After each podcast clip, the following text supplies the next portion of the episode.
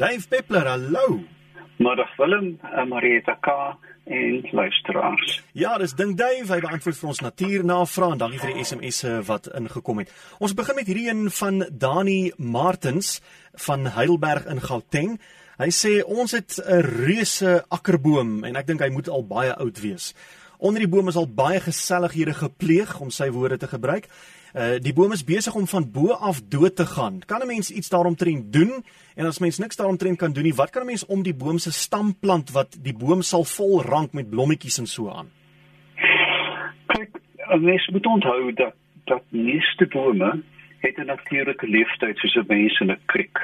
Nou in Europa word of in Engeland weet ek vir 'n feit dat dat eikebome etlike honderde jare oud kan word. Ek het intedeel onlangs in die in die Casey daai hoë veld tussen die N1 en Montague 'n boom se kern bepaal en die boom was oor die 200 jaar oud.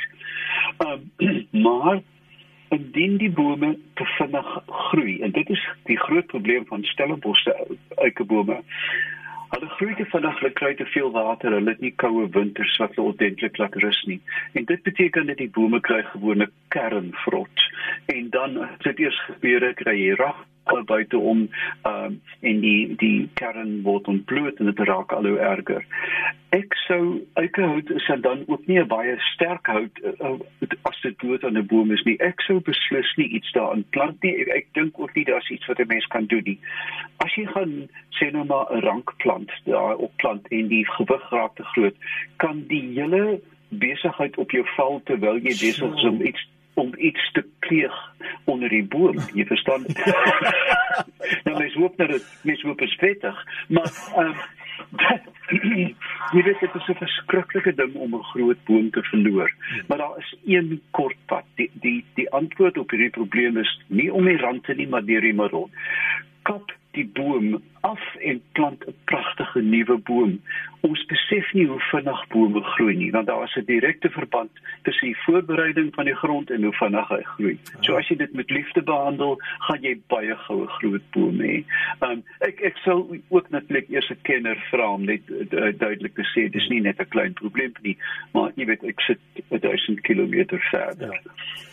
Ria in Port Elizabeth het so 'n paar vrae oor Adidas. Sy sê ons het so Adidas gesin hier by ons, uh, twee grootes, hulle het 'n rooi streep op die snavel, twee jonges, hulle het nie 'n streep nie, hulle borse, borste, borse kom donserig voor. Uh hoe lank voor die kleintjies die nes verlaat en koerskies en dan het ek ook gesien hulle eet ook brood soos die duwe maar hulle doop hulle brood in water. Ek het ook al gesien dat kraaie die brood in water doop. Hoekom doen hulle dit? Dan kom ons te begin nou by um die eerste vraag is hoe lank uh wat sou ek mooi dink die kleintjie staan by hulle bly. Kyk, ons het vir hulle gepraat oor wat lank na skool nog aan 'n bors drink. Ja. As 'n ma en 'n pa 'n klein hadie daar sou toelaat, gaan hy vir die res van sy lewe net agter hulle aanloop en bedel. Hmm. En mens sien dit reg deur die natuur, daar's vasgestelde tye. En ek dink by hadie daar is 'n orde van 3 of 4 maande. Dan sê ma en pa genoeg. Jy weet ons het genoeg gehad, gaan weg, hulle begin aggressief raak. Die kwessie kyk in hadie daar is hoofsaaklik in insekvreters, hulle eet paratjies, insekte, wurms. Ehm um, maar dit is werklik baie interessant om te sien dat hulle die brood in water week want dit is die begin van werktuig gebruik.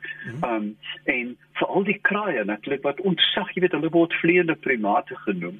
Ehm um, hulle is regtig slim. Hulle kan soos 'n sjimpansee 'n stokkie optel, dit in 'n gaatjie druk, wag vir die nier of die termiet om vas te byt uittrek. So hulle gebruik werktuie. So as as diere dan droë brood in water week, is dit die begin van werktuig gebruik. En 'n mens sal ook sien dat dit diskrete groepe is. Dis nie almal wat dit doen nie want hulle loer mekaar af.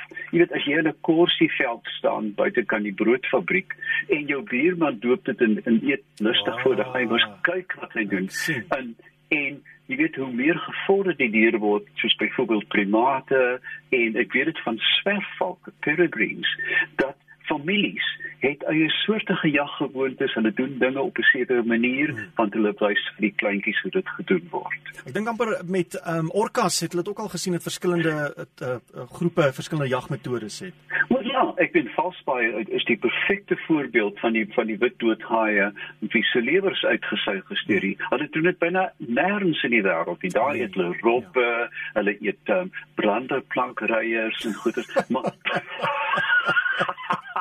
by ons eet hulle van die gevaarlikste goed op aarde. Lawrence het 'n vraag ingestuur en hy vra watter insek het die sterkste eksoskelet? Ooh, ek vermoed dit seker iets soos 'n miskruier, jy weet ek het nou nog nie op 'n weet eksperimenteel op insekte getrap om te kyk wie die langste oorleef nie. Ja. Ehm um, uh, jy weet jy wil nie op 'n koringkriek trap nie. Hemel weet dit alleen, maar ek dink dat die verstuin op die droë die droë wêreld insekte het heel moontlik van die sterkste. Dit bestaan uit kitin, dis 'n polimeer wat hulle hoofsaaklik uh, beskerm teen uitdroging. Mense dink jy weet dat dit van eksterne uh, stimulus moet beskerm. Ah dit doen dit natuurlik ook. Ehm um, en dit is natuurlik 'n totaal onbuigsame en onbuigbare hulsel. Hulle met indien hulle groei met hulle vel, jy weet jy kry mos baie kriekvelle en sprinkaanvelle ensovoorts.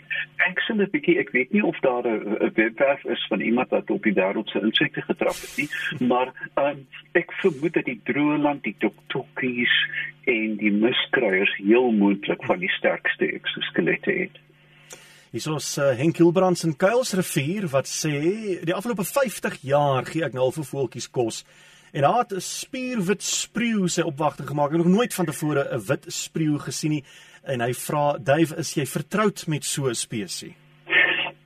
Is vertroud met die verskynsel, nie nie noodwendig met spreeus nie. Ek weet nie wat 'n spreeu hy van praat en waar hy woon nie, want is dit die is dit die Europese spreeu? Jy weet die gewone een wat soos Duitse fabriekswerkers op jou grasberg rondloop of is dit dalk van ons inheemse spreeus?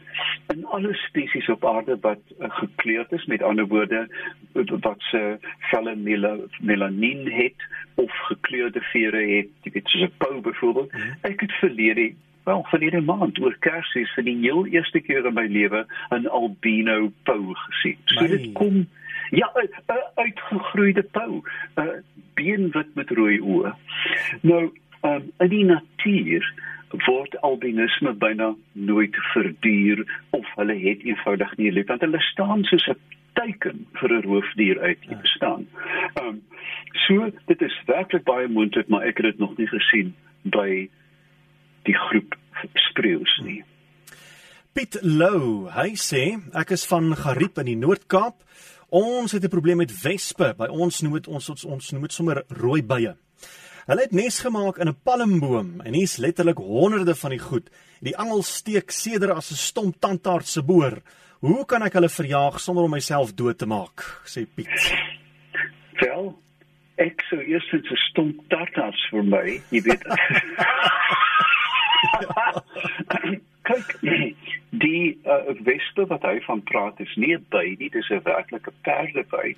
En ek vermoed dit is een van die papierwespe. Hulle maak 'n klein ehm um, hulle heg 'n dun stingeltjie aan 'n tak of 'n blaar en dan bou hulle 'n halwe koepel met die um, met hulle met die gaatjies, die heksagonale gaatjies van onder waarin 'n eier gelê word en 'n larwe ontwikkel en gevoed word. Met ander woorde, hulle is deel van ons breë agtergrond natuur. Hulle doen ontsettend baie goed want hulle eet rustes van jou grasperk af. Ehm um, met al daai goed wat jou tuin opeet, sal hulle jag. Hmm.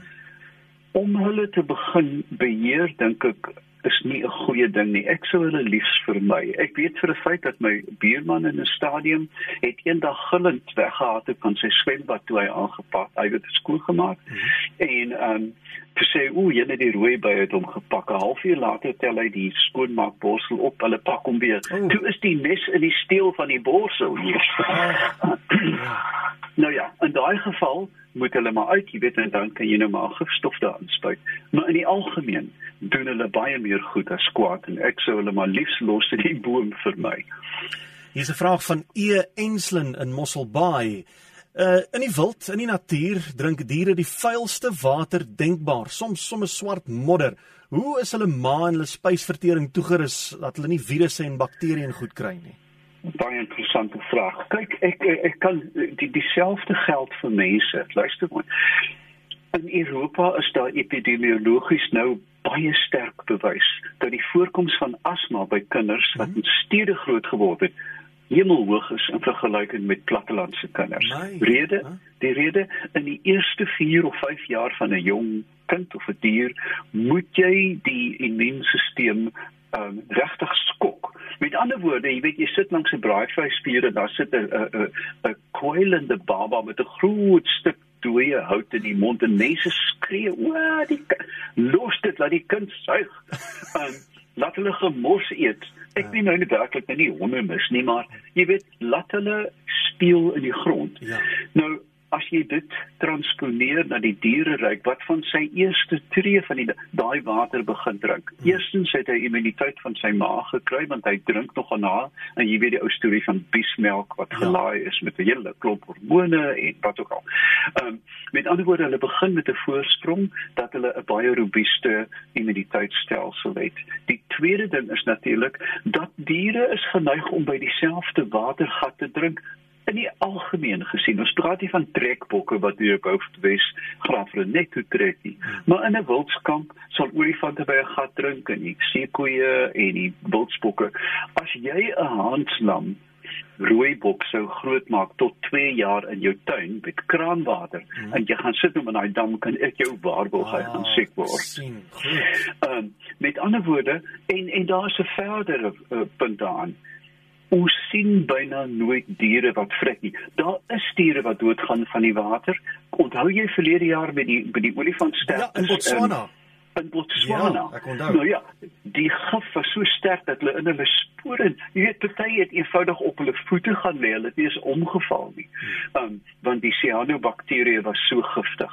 Gewoonlik as daar ander siektes is, en mense dink aan leptospirose en pseudomonas en so aan, dan word hy begin hy kug en hy gaan lê en jy weet diere kruip weg as hulle siek voel. So mense sien nooit hmm. eintlik die direkte gevolg van sterftes by die water nie. In die algemeen dan ja, hulle kan dan dit ontsettende robuuste uh, immuunstelsels, maar tog van hulle gaan dood.